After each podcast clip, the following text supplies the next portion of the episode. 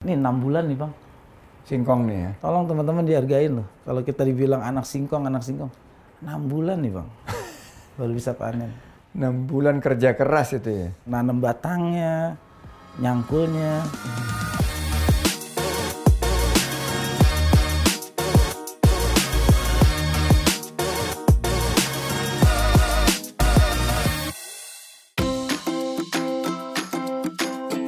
Assalamualaikum, Waalaikumsalam warahmatullahi wabarakatuh. Pak.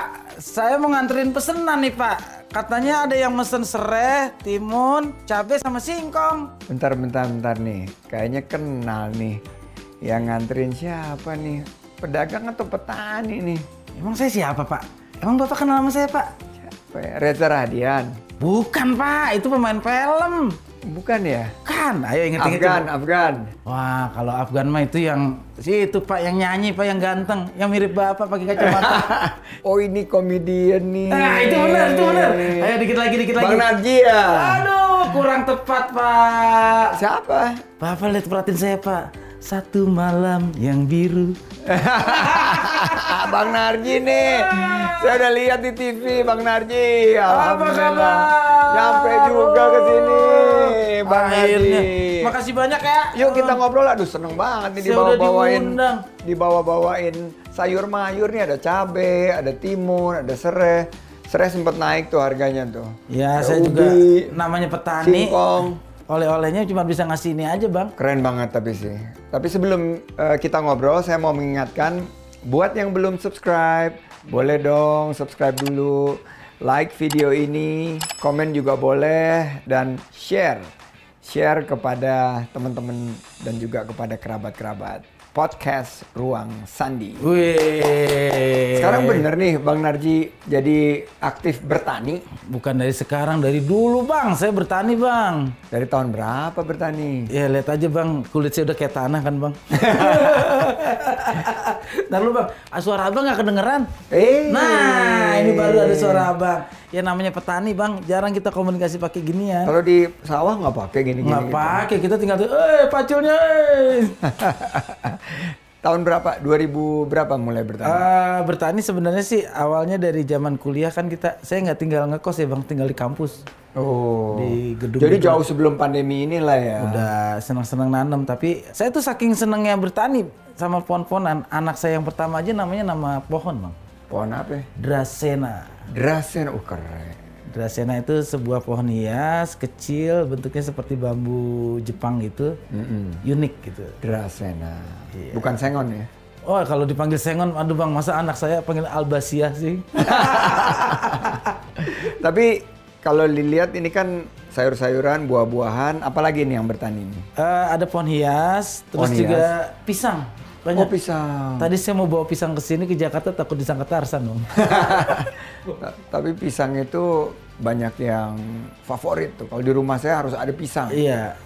Pisang itu jenisnya banyak dan macam-macam tuh punya khasiat sendiri-sendiri kayak pisang raja itu untuk lambung, eh, pisang kepok untuk pisang goreng, Iya. burung, pisang Ambon. Pisang Ambon, pisang susu. Wah, pisang paling banyak deh jenisnya Bang ya. Tapi dari mana tuh inspirasi dulu bertani? Inspirasi saya bertani itu saya mikir eh, kebutuhan manusia paling pertama itu apa sih Bang? Makan, Iya, makan. pangan. sebelum pangan manusia itu makan dulu kan kalau kita lihat manusia purba dulu kan makan dulu baru dia berpakaian Iya. berarti ini makanya kebutuhan paling utama pangan, sandang ya. sebelum manusia eh, modern menemukan teknologi teknologi paling canggih pertama itu kan bercocok tanam setelah mereka meramu berburu baru mereka bercocok tanam kemudian setelah itu baru beternak nah ini teknologi canggih pertama sampai sekarang yang nggak bisa perusahaan ini Tapi kan sekarang udah ada digital farming, sudah ada vertical eh, apa vertical farm. dan Tingkat kompleksitas susah dari segi pertanian tuh gimana? Kalau men- seka- menurut saya sekarang sih bertani itu mudah, tapi eh, lingkaran eh, problematikanya buat petani sekarang itu dimulai dari satu tidak punya harga standar dari bibit sama pupuk. Nah, kalau dilihat dari lapangan kerja nih kan pertanian ini salah satu sektor atau sektor yang terbanyak menyerap lapangan pekerjaan. Setuju nggak? Kita saya sangat setuju. Tapi milenial sekarang ini saya lagi coba untuk membangun paradigma ke mileni- milenial. Kalau bertani itu bukan pekerjaan orang dulu, bukan pekerjaan yang dianggap sebelah mata, tapi petani itu justru sektor utama seharusnya menjadi leading sektor gitu bang. Malah ada yang bilang food atau pangan itu adalah the new internet. Setuju nggak? Wah, itu saya setuju banget itu, Bang. Soalnya kalau kita bicara segala sesuatu, semua manusia itu kebutuhan utamanya makan dulu deh. Iya. Ah, ah. Abang cari duit capek sampai ke Amerika segala macam untuk apa, Bang? Perut. Sama mulut. itu kadang-kadang di terminal berantem cuma gara-gara urusan apa, Bang? Perut. Jadi kita lagi mencoba untuk eh, mandiri pangan aja di kampung, Bang. Nah, yang kedua nih pertanyaan saya kan sekarang harga-harga bahan pokok juga mulai merangkak naik, ada kemungkinan kita kurang pasokan pangan. Nah, apa nih yang mesti dilakukan oleh Kalau Bang- milenial-milenial kita nih? Kalau Bang kaum-kaum Sandi bilang rebahan. kalau Bang Sandi bilang harga pokok sekarang merangkak, bukan merangkak lagi Bang, udah naik lift harganya Bang. udah naik lift. kalau merangkak tuh pelan. Eskalator masih pelan ya tuh. Liftnya lift yang di Dubai lagi. Tiba-tiba lantai 100 gitu. Nah ini menariknya kalau dilihat dari harga-harga sekarang itu kita kadang-kadang nggak masuk akalnya apa yang kita beli hari ini besok harganya nggak sama. Hmm. Ayam, telur, Iya, gula gula. dan itu sebenarnya kita hasilkan rata-rata dari peternak dan petani. Betul. Kenapa milenial nggak ngincer sektor itu sih? Iya, itu yang juga saya juga bingung karena rata-rata usia petani kita di atas 45 tahun, Bang. Nah itu dia nih Bang Sandi. Gimana ya, Bang. caranya dimotivasi anak-anak muda untuk masuk sektor pertanian? Saya kemarin sih saya nggak mau banyak ngomong di kampung saya. Saya kasih contoh dulu. Saya kasih contoh ke anak-anak muda di situ yang profesinya ojek online Iya.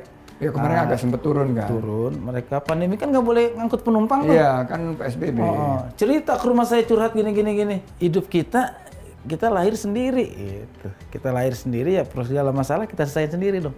Sekarang apa ini? Ada lahan kosong tuh. Yuk kita beli bibit, kita beli pupuk. Sekarang udah mulai banyak nih anak muda satu, dua, tiga. Udah tujuh orang bang ikut bertani sama saya bang. Nah, ini saya mau tanya nih, kan tadi bicara mengenai potensinya gede. Ah. Tapi pernah nggak punya pengalaman nanam terus gagal? Maksudnya hasilnya kayak saya gini bantut gitu. Maksudnya nggak ke situ, itu fisik, nggak boleh itu. itu pasti bang ya. Kayak persis saya pertama kali nanam itu yang sering gagal tuh cabe. Cabe ya? Ternyata cabe itu nggak sesimpel yang kita bayangin. Cabe itu tangguh Padahal tapi kayaknya kan gampang gitu ya nanamnya ya, terus uh, bijinya aja kan. Setelah kita keringin gitu. keringin, kita semai di polybag. Nanti hasil dari yang anak-anak itu kita pindah-pindahin. Ternyata dia tuh uh, perawatannya harus spesial juga bang. Oh. Kayak ngerawat anak perawan bang. Uh, harus ada obat anti hama. Obat anti hama. Karena kalau enggak nih hasilnya daunnya bolong-bolong dan itu ngaruh ke cabenya juga. cabenya kualitasnya Oh, turun. uh, terus cabai ini juga unik. Tiga kali panen kita harus ganti pohon. Oke. Ah, Jadi harus rutin untuk menyemai. Tapi cabe itu saya pernah ngalamin pernah sekilonya itu 180 ribu. Ibu-ibu mama pada marah. Itu sampai harga cabe itu sampai menteri-menteri pada dimarahin semua. Sampai gubernur waktu itu dimarahin harga naik. Tapi kalau kita produksi cabe sendiri ternyata bisa ya di halaman sendiri. Ini dari satu halaman halaman nih ruangnya Bang Sandi berapa nih? Ini mungkin tiga kali tiga kali, tiga kali empat mungkin. Ini ideal udah bisa sampai 50 sampai 70 pohon cabai nih, Bang. Udah 70 pohon ya? cabe. Bisa 1 2 3. Kenapa nggak kita tanemin aja nih good vibes ini nih cabe gitu kali ya. Plastik tuh gitu kayaknya. Oke, saya perintahkan Bang Narji supaya ini vertical garden kita di sini tanemin cabe. Ini kayak ini Bang, serai nih Bang. Kemarin saya tapi Oh, agak sore sempet wah di awal-awal pandemi peng tinggi banget. ini apalagi Bang Sandi yang suka bikin impus water kan? Ya, suka ditaruh ini karena Saya pikir minumnya air impus. itu mah buat orang sakit kali. nggak taunya ini pas masa-masa pandemi awal bang pernah tujuh puluh ribu sekilo bang 70.000 ribu sekilo. tujuh puluh ribu beneran Seikat gini berarti ya? ya satu rumah dibilang Satu rumah ya. atau satu dapur kalau orang betawi bilang 70.000 ribu ya? Padahal itu nanamnya gampang banget ini, setahu saya ya. anaknya aja ambil yang agak tua gitu anaknya yang udah agak berakar kita tancep sini kasih pupuk dua tiga hari kita cek tuh bang yang layu-layu gini nih kalau yang Hmm. bagus kita buangin nih biar ntar tumbuhnya dia tumbuh tunas baru Nah itu. Itu yang kualitasnya bagus. ya. Ini pohonan yang aneh juga bang. Rimbun seger tapi nggak pernah ada ular. Oh ini ular takut nih. A- a- aromanya juga sama tajam juga kan. Iya ini tajam nih. Ada banyak lagi bang pengalaman-pengalaman saya bang ya. Kayak waktu Ramadan kemarin tuh. Keren bang, petani saya ada yang ngantongin uang selama Ramadan, pandemik nggak kemana-mana. 2 juta, ada yang 3 juta, ada yang sekitar 800. Waduh. Timun suri. Timun Surya buat buka puasa. Ah, menjelang Ramadan H min 3 bulan, kita tanam bang. Ternyata cuma 2 bulan 10 hari, timun suri itu bisa panen. Udah bisa panen. Ah. ya. Bang Narji ini jadi kayak wirausaha sosial ya. Jadi karena lahannya itu kan juga ngelibatkan masyarakat, anak-anak muda yang kemarin sempat kehilangan mata pencaharian. Nah, visinya tuh gimana? Ngelibatin masyarakat. katanya bapak saya dulu saling membantu sesama masyarakat gitu. Apa yang lu bisa kasih ke masyarakat, nggak bisa kasih uang, kasih apa deh. Nah akhirnya saya ngasih rangsangan teman-teman gimana caranya lahan kosong ini jadi uang. Jadi hasil penjualan itu juga buat masyarakat. Buat mereka aja saya nggak pernah tahu. Yang penting mereka laporan kayak akhirnya kan dengan begitu mereka justru terbuka. Bang, bayam kemarin dipanen, hasilnya berapa? Ada 30 ribu dibeli sama tukang sayur situ. Ya udah uangnya buat abang aja gitu. Lah Bang Narji, Bang Narji dapatnya apa? Kebahagiaan bang. Oh, happiness. Kebahagiaannya karena memberikan Enggak ngeliat orang Aktivitas. bahagia karena dia proses bertani itu kan saya belajar di proses ya. Hidup nggak ada yang instan. Iya betul. Ini enam bulan nih bang. Singkong nih ya. Tolong teman-teman dihargain loh. Kalau kita dibilang anak singkong, anak singkong. Enam bulan nih bang. Baru bisa panen. 6 bulan kerja keras itu ya. Nanam batangnya, nyangkulnya, sampai hasilnya ini satu ini paling banyak 2-3 kilo. Kalau kita dihargain kadang-kadang cuma 3.000 dari petani bang. Satu pohon tuh cuma 21.000 ribu. Jadi kalau dilihat memang kita harus beri apresiasi ya kepada para petani ya. Mereka menyediakan pangan kita dan sebetulnya kita harus setuju nggak nih? Kita harus menata ulang sistem distribusi kita karena kadang-kadang petani itu kalau lagi bagus tiba-tiba harganya jeblok. Sementara kalau lagi harga naik dia juga disalahin gitu. Kenapa mahal gitu? Nah itu abang yang lebih jago deh kalau soal gitu dan abang lebih punya peluang untuk melakukan hal itu. Kalau kayak saya kan cuma untuk merangkul masyarakat. Kayaknya bisa jadi sinergi yang baik nih. Nah, kan Bang Narji jago nanam. Saya kebetulan juga punya pengetahuan di bidang distribusi. Saya lagi ada beberapa kegiatan deh. Nanti habis podcast ini kita collab. Karena luar biasa dengan distribusi yang terbuka, pakai digital dan berkeadilan, masyarakatnya happy karena harga-harganya stabil terjangkau, petaninya juga senang karena harganya stabil dan tidak turun naik dan kadang-kadang sampai jeblok seperti itu gitu loh. Kejadian buah naga kan. Betul buah naga. Buah naga pernah petani ngambek dibuang-buang ke kali karena di Pernah. harga cuma seribu. Cabe pernah dibuang juga di Demak saya lihat. Buah naga itu kan kalau di China itu kan buah yang ya prem- premium gitu loh, eksklusif gitu. Itu padahal nanamnya juga nggak terlalu sulit bang. Itu kan jenis kayak kaktus gitu kan. Dia nggak kayak cabe ya, dia nggak nggak manja ya. Nggak manja dia dan itu medianya aja diganti tiap enam bulan. Kalau kita nggak punya lahan gitu. Tapi hebat banget nih pengetahuannya Bang Narji. Nah kalau lahan ini sampai kapan nih Bang Narji dapat kesempatan dari warga sekitar untuk menggunakan lahan tersebut? Alhamdulillah yang ada lahan sendiri, ada lahan sendiri itu sekarang saya lagi fokus ke anak muda untuk nanem Ini di Pamulang ya Bang ya? pamulang, Pamulang. Tangerang Selatan. Saya lagi nanem itu bikin paranet agak gede bang, Hmm. buat pohon-pohon bunga. Nah ini kebetulan nih, Mbak tolong dong Mbak, saya mau ngasih-ngasih oleh-oleh nih buat Wih. abang saya. Ini aglonema jenis emerald. Emerald. Waduh, Wah, kalau jenisnya batu banyak, mahal Bang. Ah, banget Iya. ini. Ini medianya apa nih? Medianya itu akar pakis, eh, Akar pakis, sekam bakar, sama sekam bakar. sekam bodong orang bilangnya. Oh, ini udah berapa usianya udah berapa nih? Ini sekitar eh, setahun sampai setahun dua bulan abang. Cantik ya, berapa warna ya? Ini abang yang masih emerald, apa ada lagi tipe-tipe Siti Nurhalisa? Siti Nurhalisa. Namanya unik-unik, Siti Nurbaya, Sultan Brunei. Hu- Sultan Brunei. Hugas. Banyak duitnya dong. Hugas ada.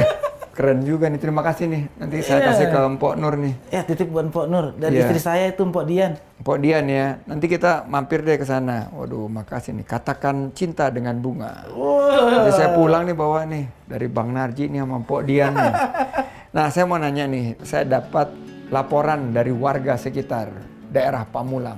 bahwa kalau mereka memiliki persoalan dan masalah, mereka curhatnya ke Bang Narji.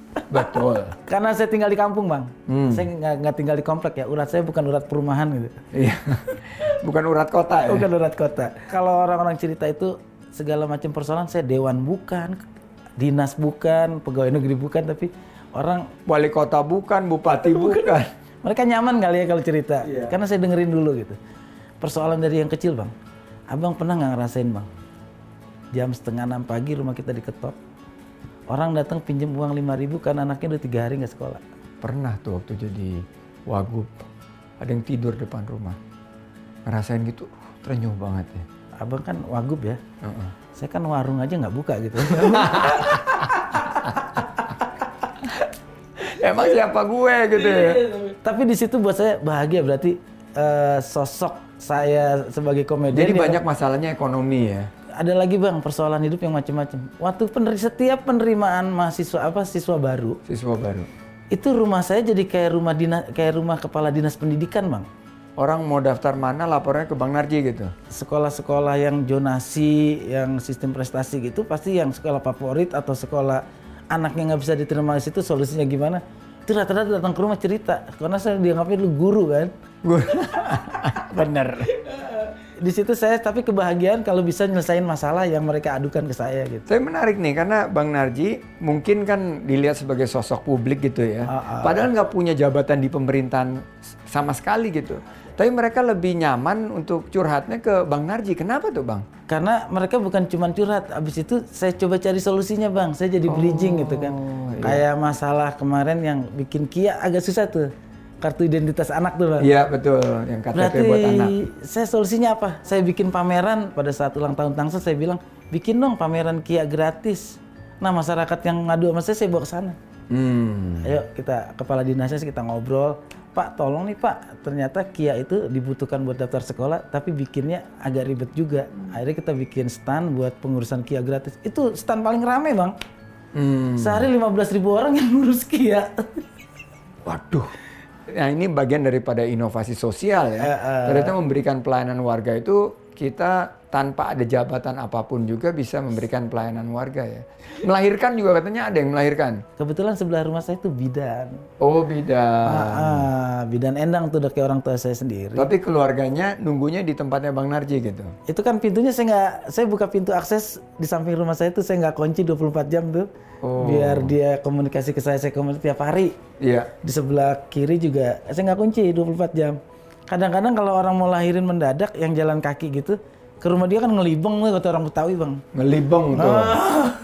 Guys, ini satu kosakata yang sangat fenomenal. Ngelibeng. ntar saya kasih bang saya juga nyusun kamus bahasa Betawi Tangerang Selatan buat abang Nanti saya kasih ke Mpok Nur nih. Kalau dia aduh bahasanya juga macam-macam deh. daripada muter jauh nah mending masuk laut sini aja gitu kemudian saya bikin kayak musola pendopo itu kalau yang keluarganya ngelahiran nunggunya di situ aja deh gitu di dalam di dalam tuh agak sempit gitu situ aja kadang-kadang saya jam 9 malam jam 10 ada orang lagi sholat di belakang Ya, pasti ada yang lahiran gitu.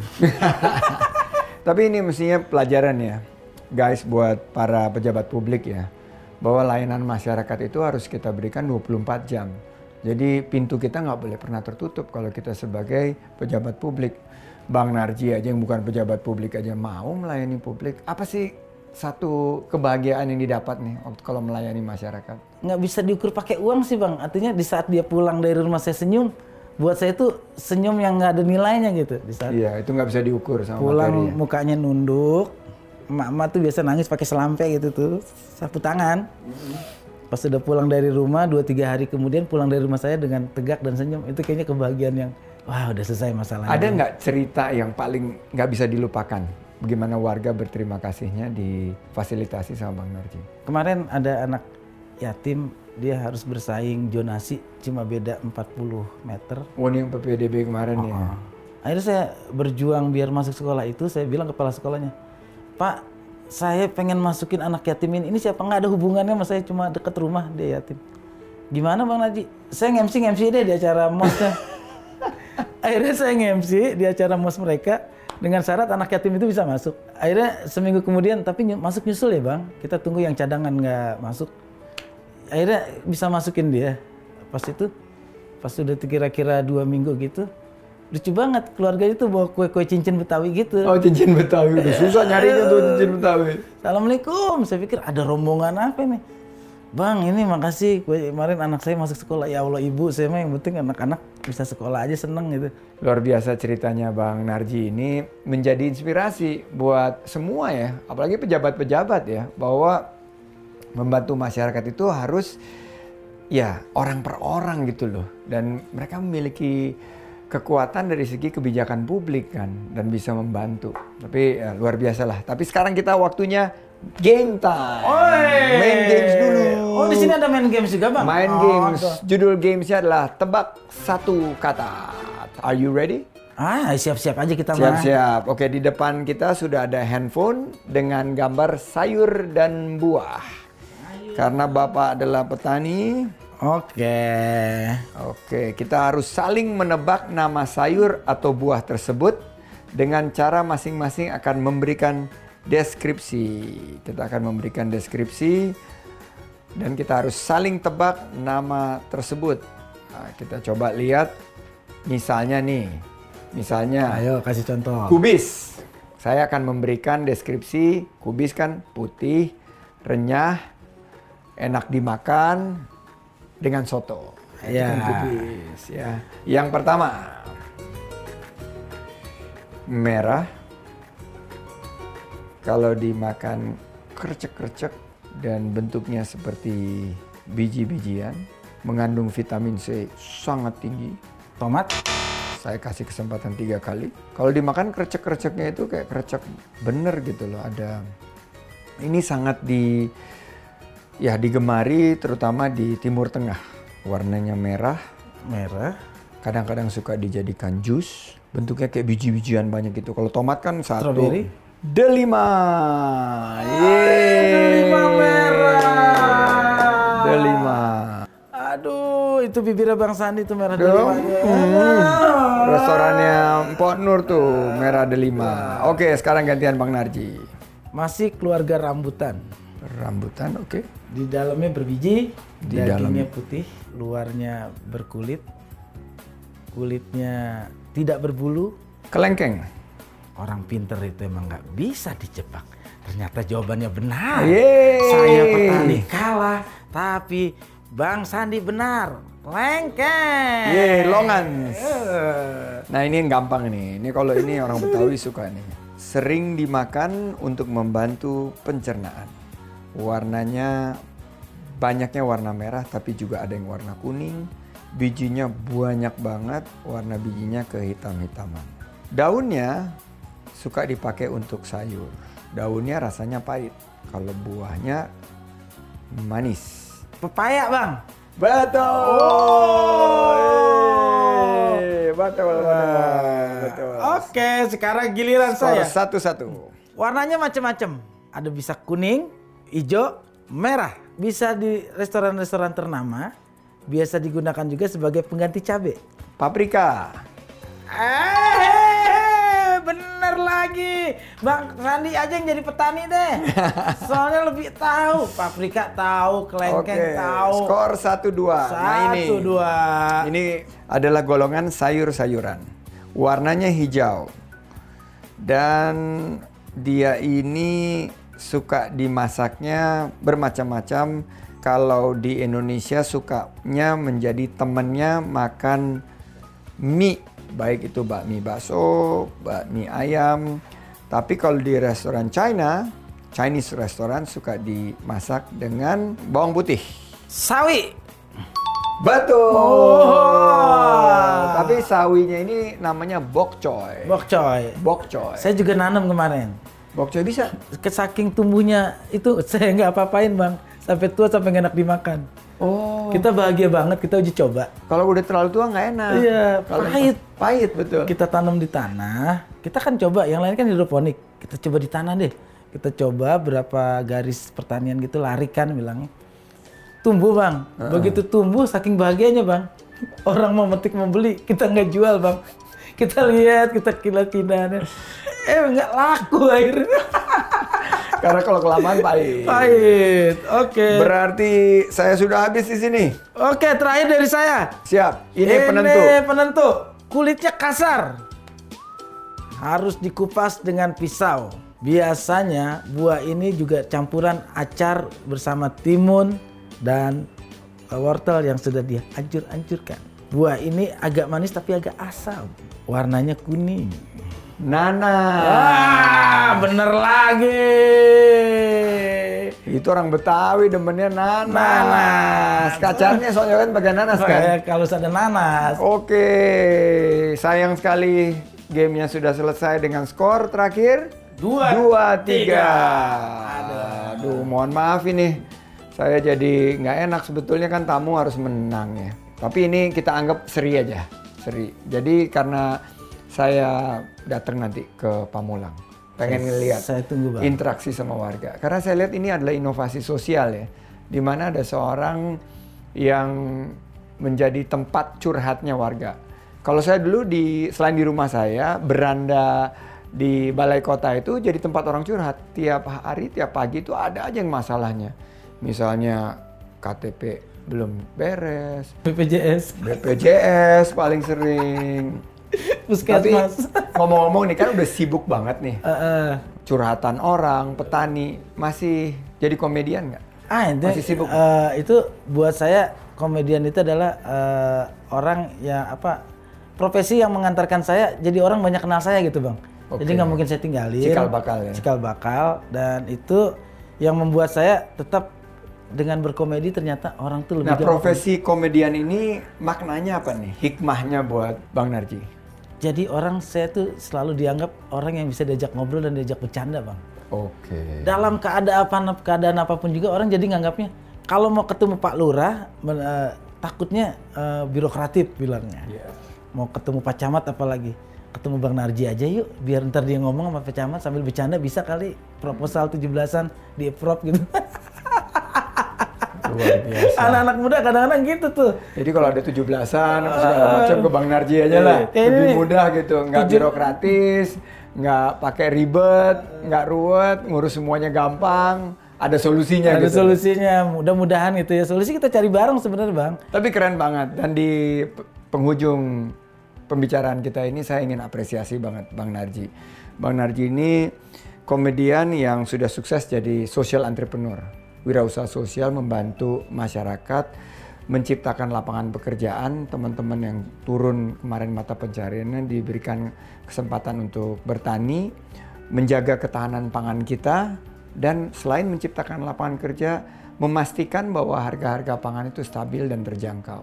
Dan yang paling penting menurut saya, Bang Narji tetap enjoy menjadi komedian, menjadi penghibur kita semua di tengah pandemi ini. Semoga layanan masyarakatnya tambah ya memberikan solusi Dan- dan ada ada pesan penutup dari Bang Narji untuk pendengar podcast Ruang Sandi. kalau kita beriman dan bertakwa, kita percaya kita berhidup berasal dari tanah dan akan kembali ke tanah. Maka hargailah tanah dan olah tanah untuk kebijakan kita semuanya. sungguh-sungguh inspiring, sungguh memberikan satu motivasi buat kita. Terima kasih abang kita. Terima kasih banget Bang Sandi. Pendengar podcast Ruang Sandi, semoga kita bisa menjadi lilin. Walaupun terangnya kecil, tapi bukanlah lilin yang tidak bisa kita anggap, tapi lilin yang sangat membantu di tengah kegelapan. Bang Narji sudah menjadi lilin dan terkadang kita belum sadar kalau di sekitar kita masih banyak yang merasa kegelapan. Tidak tahu bagaimana memecahkan masalah-masalah hidup. Di saat itu, semoga ada kesempatan bagi kita untuk memberikan secercah solusi. Tidak harus solusi besar, solusi-solusi yang sangat simpel, solusi semampu kita saja, dan tidak disangka akan menjadi sangat berarti untuk segelintir orang. Seperti tadi, ada seorang anak yang mau masuk sekolah susah, Bang Narji memberikan solusi. Nah, Bang Narji ini menjadi inspirasi dan semoga menjadi motivasi kita semua.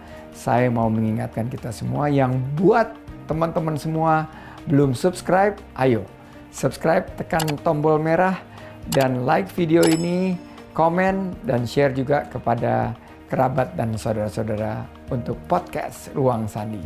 Terima kasih Bang Narji. Makasih banyak. Billahi taufik wal hidayah. Wassalamualaikum warahmatullahi wabarakatuh. Sampai bertemu di podcast Ruang Sandi berikutnya. Sekarang kita foto-foto. Hei.